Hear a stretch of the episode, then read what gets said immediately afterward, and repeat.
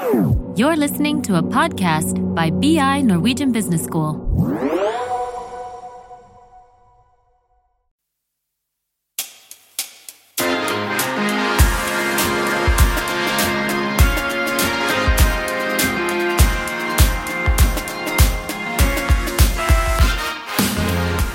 Data gir oss eh, nye muligheter til hvordan drive business. Men hvordan gjøres det i praksis? Hvordan er det egentlig selskapet bruker data? Det er det vi skal snakke om i dagens episode. Til å svare på dette har vi med oss Sondre Runander, som er kommunikasjonssjef i Google Norge og har tidligere jobbet med tekstselskapene Facebook og Netflix. I tillegg har vi med oss Erlend Aune, som er ekspert i kunstig intelligens og maskinlæring, og har mange års erfaring fra næringslivet. Men eh, først helt grunnleggende. Hva er egentlig data? Jeg tenker at Data er alt vi måler. Det kan være, alt, det kan være sensorer i mobiltelefon, det kan være værdata, det kan være overvåkningskamera, sånn som CCTV. Men det kan også være sånne ting som genetiske data og medisinske data som vi, som vi, får, som vi måler når vi drar øh, til legen. Og, men det kan også være noe helt annet, sånn som f.eks. noter i musikk. Øh, så alt vi måler, er på en måte data, øh, tenker jeg da. Ja, jeg er helt enig og tenkte liksom å oppsummere det med at data er observasjoner satt i system. Jeg satt på, i, i, drosjen på vei hit og tenkte litt sånn hvordan skal jeg gjøre det her hverdagslig og enkelt å forstå. Og så tenkte jeg på, og, og det er med forbehold om at jeg nesten strøyk i statistikk da jeg gikk på BI selv, så ta alt jeg sier med en klype salt. Men hvis man ser for seg kantina på BI, og du har lyst til å optimalisere hvordan den fungerer, så kan du sette deg ned og så kan du eh, telle alle som kommer på besøk der eh, manuelt. Du sitter med et ark og teller alle som kommer. Eh, da har du et sett med, med, observasjoner, og de er litt sånn uinteressante i seg selv, men så kanskje du var litt smart, og da du begynte å samle inn dataen, så markerte du eh, hvilke dager de kom inn på, og hvilke klokkeslett de kom inn på. Og da kan du ta det, de observasjonene og sette dem i en sammenstilling basert på noen variabler, hvor du kan forstå når er det det kommer mange mennesker, når er det få mennesker, og så kan du bruke det som et beslutningsgrunnlag for å vite når du skal lage mye mat og når du skal lage lite mat. Mm. Men hvorfor er det her så relevant nå, mer enn noen gang?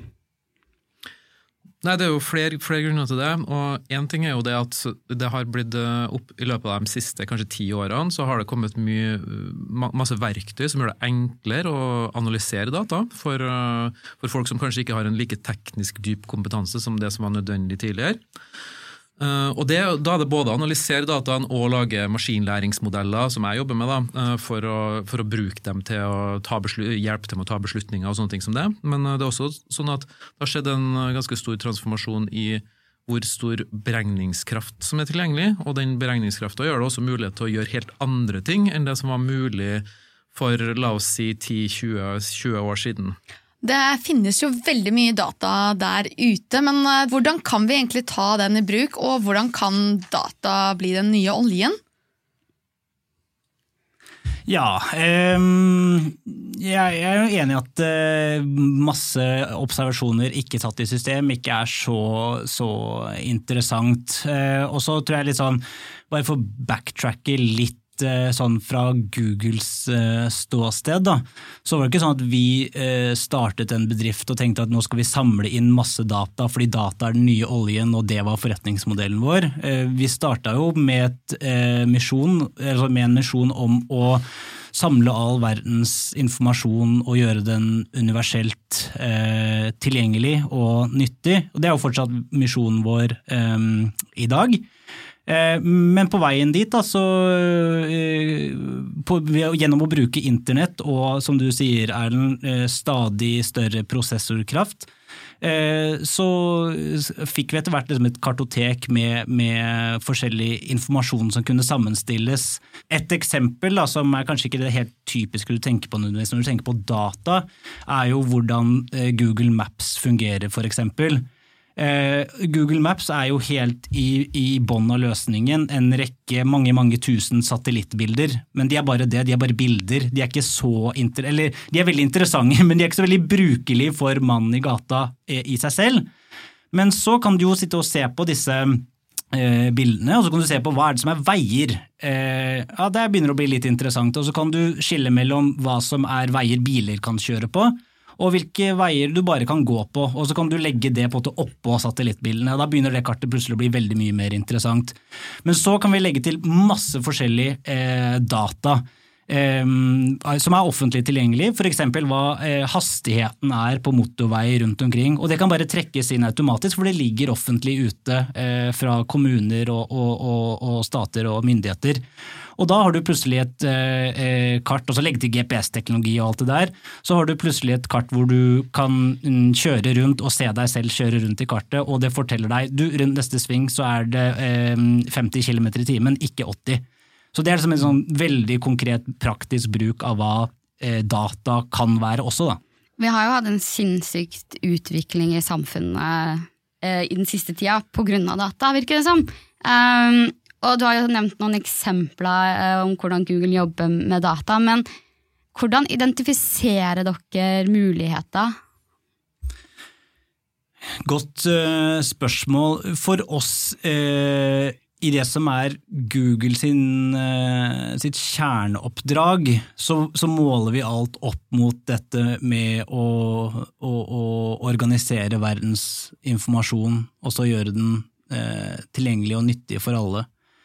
Og, og, nå om dagen så er jo det f.eks. spesielt knytta opp til bærekraft, selvfølgelig. Eh, eh, det å organisere verdens bærekraftsinformasjon og gjøre det lett tilgjengelig for folk er en utrolig nyttig måte for oss å, å, å bruke data på en måte som er bra for verden. Vi har, vi har satt oss mål om å i løpet av 2022 hjelpe én milliard mennesker til å ta mer bærekraftige valg gjennom våre produkter. Og, og, et konkret eksempel på det er eh, det er en feature som eh, ikke har kommet til Norge ennå, men er på vei. Eh, som er det vi kaller for eco-friendly routes. Så i Google Maps, når du eh, skal få vist hvor bilen din skal kjøre, så får du opp en grønn rute som viser deg ruten med lavest karbonavtrykk. Og det er jo også på en måte eh, masse der har man jo sett til annen type data enn det man kanskje har gjort tidligere for å komme med ruteforslag. da. Blir det sånn da at du skal ta båten i stedet for flyet, eller? Eh? Nei, det, er, det skal fortsatt være en effektiv måte å komme frem på. Ja, det var enda godt. men, men, det er også et eksempel, det, jeg synes det er et kult eksempel, men det er også et eksempel der, eh, der, du, der skala betyr ve veldig mye. Da. Så siden, siden, det er veldig mange som bruker Google Maps til å velge kjøreruta si, og sånt, så det å gjøre en liten forbedring på ruta, har stor effekt globalt sett. Da. Mm. Uh, men jeg, jeg ville ha kommet, Du spurte om hvordan skal, kan man eh, ta, ta bruke data. Jeg syns den letteste måten å tenke på det her, det er jo at du prater med folk, helst med folk fra mm. andre disipliner, og begynner å diskutere. ja ok, Jeg har, jeg har lest denne artikkelen. Her, her, her, var det noen interessante ting de gjorde med bilder. Det var noen interessante ting de gjorde med noen sensorer. Så begynner du å prate med andre folk. Kanskje man får en ny idé, og så kan, og så kan man tenke seg, uh, sette seg ned. Ja, ok, skal vi, skal vi, lage et prosjekt ut av det her? Og uh, I min erfaring altså det å ha, det å ha kryssdisiplinære relasjoner med folk, der, der, man diskuterer ting, det har masse å si. Og det er stor verdi å liksom få input fra folk fra, med mange, mange forskjellige syns, synspunkter. da. Google er jo ett av flere selskaper som samler inn data og informasjon og muliggjør det for andre. Men Erlend, kan du fortelle om andre selskaper som bruker data på en spennende måte? Ja, jeg kan gi et par eksempler. Så, uh, i, her, her, i, her, i, Norge og her, i Oslo så har vi veldig mange selskaper som gjør kule ting med data. Uh, et selskap er et selskap som heter for Lexolve, for eksempel, og de bruker AI til å til å hjelpe små bedrifter til å, til, med juridiske, juridiske problemstillinger. Uh, sånn, at skal, sånn, at du skal slippe å bruke masse penger på advokater, eller hyre en, hyre en, uh, hyre en intern advokat. Uh, og, og, Da handler det om måte hvordan å, hvordan å, lage den brukeropplevelsen på en god måte, sånn at de forstår de juridiske problemstillingene og kan gjøre gode beslutninger på bakgrunn av det. Et annet selskap er innenfor f.eks. Uh, helsesektoren, OncoImmunity, uh, som, som, har drevet på med AI for, for kreftimmunoterapi. Og der er det, da, da er det type gendata man bruker for å prøve å predikere hva som er eh, for, å få, for å få personalisert immunoterapi da, per person. Og, og så er det mange andre typer selskaper altså, eh, som det handler om det her med optimalisering av drift på, på en måte. Da, som, som, som optimalisering av fabrikker, f.eks. Der er et selskap som heter Intlessy, som, som, som tar og måler sensordata, måler sensordata fra ulike fabrikker, og prøver å gi, gi råd om ja, hva, hva, hvordan kan du optimalisere driften. Kan du drive med så, det som kalles for uh, predictive maintenance, prøve å finne ut av om, eh, om noen komponenter feiler før de faktisk feiler, sånn at du kan gjøre eh, eh, reparasjoner og sånt før det blir kritisk. Da. Eh, så det er tre litt sånn ulike eksempler på hva som gjøres her i Oslo. Men vil det alltid være sånn at den automatiseringa kommer til å være bedre enn det mennesket gjør, for de tar jo over Ja, nei, men, så Lexol var faktisk en strategien at de har en sånn human in the loop-type type produkt, der, eh, der du der du, Ofte så kan det være at du har en relativt komplisert problem, juridisk problemstilling, og mye av det kan kanskje Du kan komme ganske langt på veien med bruk av kunstig intelligens, mens av og til så kanskje du ikke kommer helt i mål, og da har, du, da har de en human in the loop-type eh, tankegang, da, der, du, der du får kontakt med faktiske advokater for å, for å fikse det siste biten som, som må på plass. da. Kult, så man har litt begge deler. Det er jo det man ser også i legevitenskapen, at eh, eh, maskiner vil nødvendigvis komme til kort opp mot en menneskelig lege på et tidspunkt, men eh, hvis du tar eksempel eh, eh, innenfor eh, altså hematologien da, med blodsykdommer og den slags, så har jo historisk sett, og, opp til i dag, så sitter eh, legene med mikroskop og analyserer blodutstryk etter blodutstryk, og det er veldig tidkrevende. Og eh, la oss si at eh, eh, 98 av 100 eh, blodutstryk er, viser at det ikke er noe sykdom i det hele tatt. Det er liksom bortkasta tid for den legen hvis en maskin kunne bare sett at hei, det er to av disse 100 som er verdt å ta en ekstra titt på, og så får legen presentert det. Da får vi også eh, hjulpet veldig mange, mange flere mennesker, da. Altså, det er jo litt skummelt med all dataen som samles om oss. Jeg har jo på en måte følt sjøl at jeg kan snakke om et tema med eh, en person, og så plutselig så får jeg en mail om det temaet, liksom en spam-mail på, på, på min mail. Eh, så spørsmålet mitt er liksom, er det liksom ok at vi skal leve i et ikke kalle det overvåkningssamfunn, men man føler jo kanskje noen ganger at dataen overvåker oss litt. eh, for at selskaper skal tjene penger på den infoen de sprer, da. Eh, eller vi sprer rundt oss. Eh, hva tenker dere om, om det? Jeg kan komme tilbake til den uh, myten om at du blir vist annonser basert på hva du prater om på et middagsselskap uh, etterpå. Uh, men sånn for vår del i Google så er vi veldig klar over ikke bare viktigheten av, av liksom utfordringene som ligger her, men også hvor viktig det er for folk flest. Og ikke minst at det har skjedd en endring de siste 10-15 årene kanskje, hvor det har blitt veldig mye mer viktig.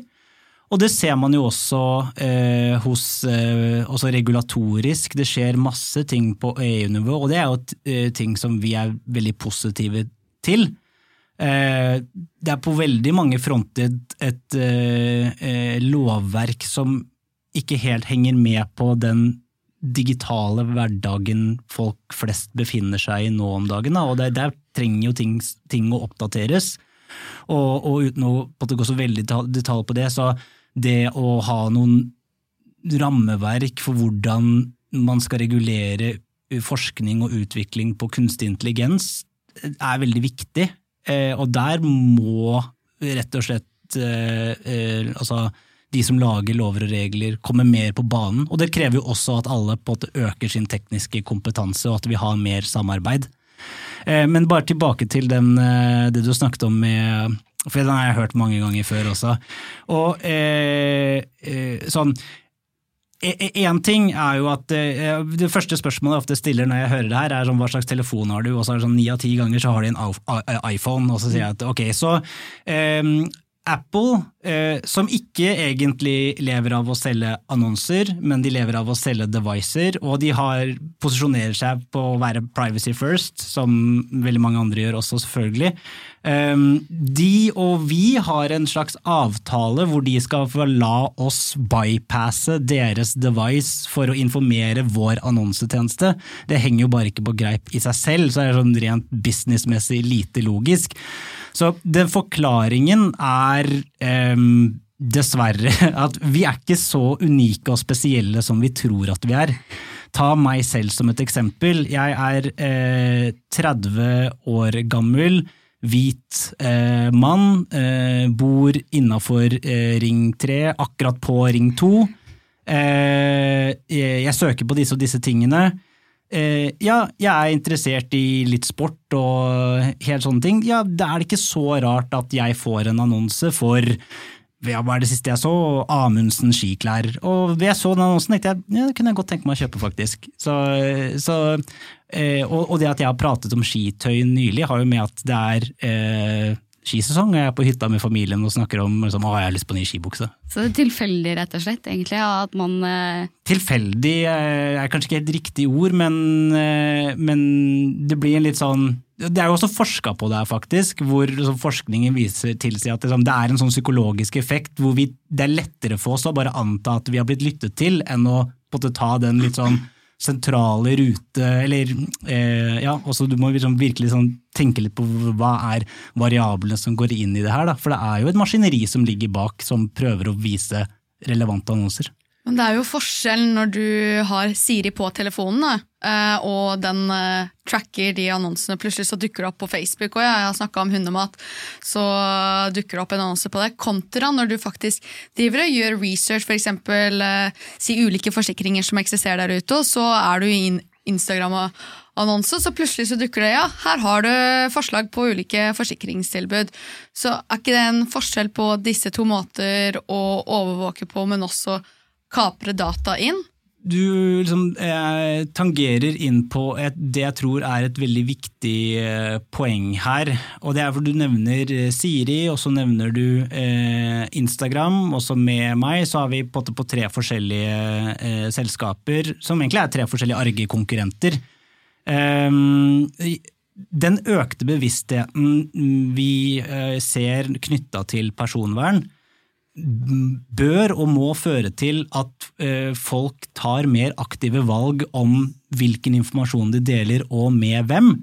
Og så ligger det et ansvar på eh, selskaper som eh, oss å gjøre det enkelt å, å kontrollere. Og også, eh, også jo en, også Vår tilnærming på produktutvikling er jo liksom privacy by design. Det skal liksom være bygga inn i det eh, helt fra, fra bånn. Og så ligger det et ansvar på, eh, på regulatorisk nivå å sette liksom hvor skal den endelige grensen gå, eller et uh, rammeverk for hvor liksom, Man kan jo ha en sånn sandbox approach også, hvor liksom man sier sånn uh, Innafor dette rammeverket så kan dere på en måte finne ut av, og så uh, kan vi spesifisere det etter hvert, men ja. For det er jo forskjellen på det jeg og Gloria sa altså Gloria nevnte der hun har vært og søkt på ting, mens jeg tenkte mer på at jeg har egentlig ikke vært på en nettside og, og, og søkt på skiklær men jeg har bare sagt det høyt. Og så er det på en måte ditt poeng, da, som er at det er kanskje ikke det at man blir overvåka, men at det er tilfeldig at du snakker om ting når det er sesong. Og dette selskapet vil annonsere ting fordi de skal selge ting i det, det tidsvinduet. Altså det er vinter, du skal ha skiklær. Eh, jeg har tilfeldigvis snakka om det med typen min, men selskapet har tenkt på at i dag eh, kjører vi til kunde, altså potensielle kunder at de skal kjøpe skiklær, og da får de en annonse. Ja, det, det, jeg syns det, det, er et godt poeng.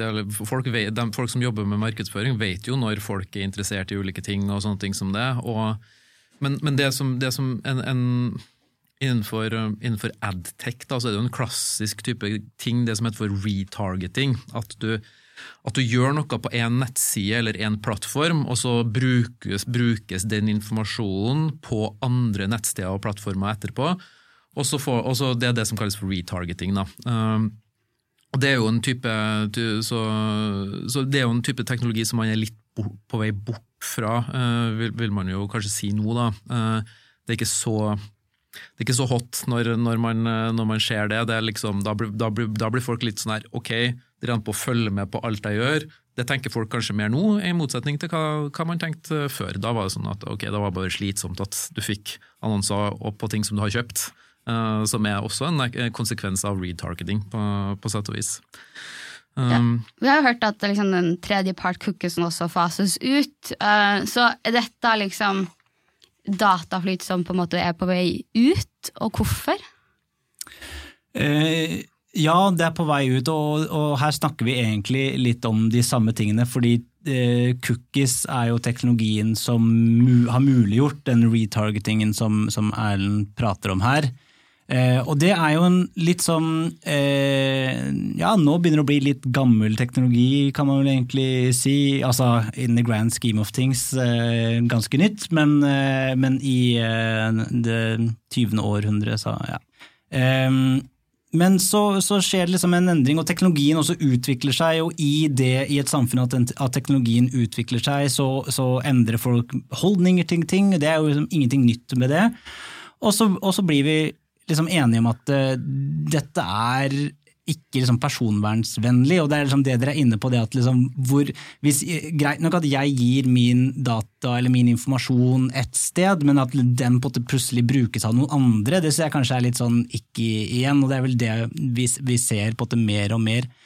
Vil, vil, det gjøre det vanskelig for bedrifter fremover, eller eh, vil det på en måte Vil man fortsatt for Man vil jo bli begrensa på informasjonen det, det, det, krever at man har en strategi for hvordan eh, liksom deale med den endringen. Og, og hvis du er på en veldig sånn, i bransjen nå og følger med på bransjepraten innenfor Adtech, som vi snakker om, så er det mye prat om det å ha en førstepartsdatastrategi. Eh, det er det veldig mange prater om. Og det er jo eh, en av grunnene for til at, for eksempel, at, at Schibsted veldig gjerne vil ha deg til å logge inn på et eller annet Eh, enten det er deres eh, VG-konto eller Podme eller et eller annet sånt at du kommer inn i, i, i Schibsted-systemet, for de også har jo en annonseteknologi som, som eh, på er drevet på å gi relevante annonser. Eh, og, og, jeg tror flere med dem mer og mer ønsker at du, du skal liksom logge inn da, og, og gi din informasjon. Um, og hvis du faller bakpå i det uh, løpet der, hvis at annonser er som key eh, del av um, businessen din, og da snakker jeg om på at annonser i stor, liksom general public da, i, i stort monn, så tror jeg du kan falle bakpå, ja. For vi legger jo en del spor etter oss hele tida på internett i de ulike appene, og iblant så er det jo veldig synlig for vår egen del. Eh, men eh, hvordan er det selskapene tar i bruk dataen på en ansvarlig måte? Det, så, så for, for, det første så er det jo sånn at man, i GDPR og sånt, så, så, er det jo sånn at du har et du, du, må si hvorfor du skal samle inn, da, hvorfor du samler inn dataen, og da er det jo typisk at du at, at ikke, at som bruker, så vil du ikke nødvendigvis akseptere at det brukes til, til alt mulig rart, at, det selges til tredjeparter og sånne ting. Så du gir på en måte en, du, du gir, gir, noen premisser som tjenesteleverandør, at ja, det her skal vi bruke dataen til. Og så kan du, også, og nå, nå har det jo vært sånn at de, de premissene, de, eh, hva det heter for user license agreements, eller hva det heter for, de har vært veldig komplisert eh, historisk sett, men de begynner å bli bedre. Det er jo sånn at det er enklere å forstå for brukere. Ja, hva betyr det her? Hva betyr meg, det her for meg at det her selskapet får tilgang til den dataen?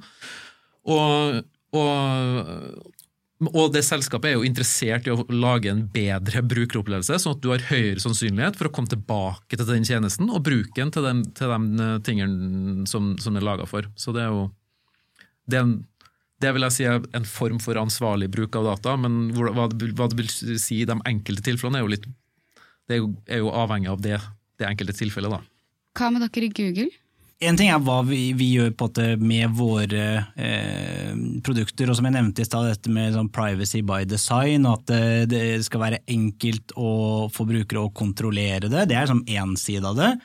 En annen ting er jo bare den sikkerheten vi har i Og da er vi inne på sånn dataservernivå, ikke sant. Og vi eier jo hele stacken fra liksom maskinvaren og opp til clouden. Eh, og, og, det som, og både Eh, så, så, alt den fysiske infrastrukturen, der er det masse man, vi gjør på sikkerhet også. Og, og vi er jo også mm, av, et av de selskapene som utvikler liksom, det som er som bransjeledende innenfor kryptering og personvernsteknologi. Da. Så det å forske og utvikle ny eh, teknologi er som, noe vi også bruker veldig veldig store ressurser på. Fordi vi, vi må huske på at det, det vil alltid være mm, skurker ute i samfunnet som prøver å, å eh, gjøre, altså som ikke har rent mel i posen. Så, og det er en sånn katt og mus-lek hvor de alltid eh, prøver å finne ut av eh, eh, hvordan kan vi dirke opp denne låsen, og så må vi alltid forbedre, forbedre denne låsen. Eh, så det er jo masse forskning og utvikling og ressurser som går, som går, med på det. Av og til så må man jo stille seg spørsmålet ok, hva skal man trekke, er det nødvendig å trekke de her type tingene, eller er det ikke nødvendig? Pga. grunn av at du kan faktisk få en risiko at, at tredjeparter får tilgang til dem, selv om det ikke var designa for at det skulle være sånn. Og det, det, er noe som jeg tror man burde tenke på da, når man lager spesielt type tjenester der man samler inn potensielt veldig sensitive data, eller data som kan bli gjort sensitive ved å koble dem med andre data. Um. Ja, eh, enig. Altså sånt, at man har en, I produkt, produktutviklingen har en inngang som handler om å eh, samle så lite data som mulig, er jo det første steget. Og så er det jo på hvordan du krypterer den dataen eh, deretter. Og Der finnes det masse kule nerdegreier som ligger ute. Vi har ikke tid og anledning til å gå inn på det i denne podkasten her, men det, er, det ligger uh, ute og man kan lese opp om det. Kan google det. kan google det. Federated learning og differential privacy er to mm, begreper i så måte som er interessant for de som har lyst på litt ekstra læring. Data er den nye oljen. Alt vi måler, er data. Det er egentlig observasjoner som er satt i system. I dag finnes det mange smarte måter bedrifter benytter dataen på, som f.eks. karttjenester eller vår egen helse. Til tross for at vi legger igjen mye spor av oss der ute, må vi huske på hvem vi ønsker å dele vår informasjon med. Ansvaret ligger hos politikere, oss forbrukere og selskapene som holdes ansvarlig for hva de gjør med den informasjonen. Nå har vi fått høre om hvordan Google og andre selskaper gjør det i praksis. Det er økt bevissthet rundt bruken av dataen, og vi har blitt mer opptatt av personvern. Dette vil igjen endre spillereglene for bruk av informasjon, og hvilke forretningsmuligheter det kan gi oss.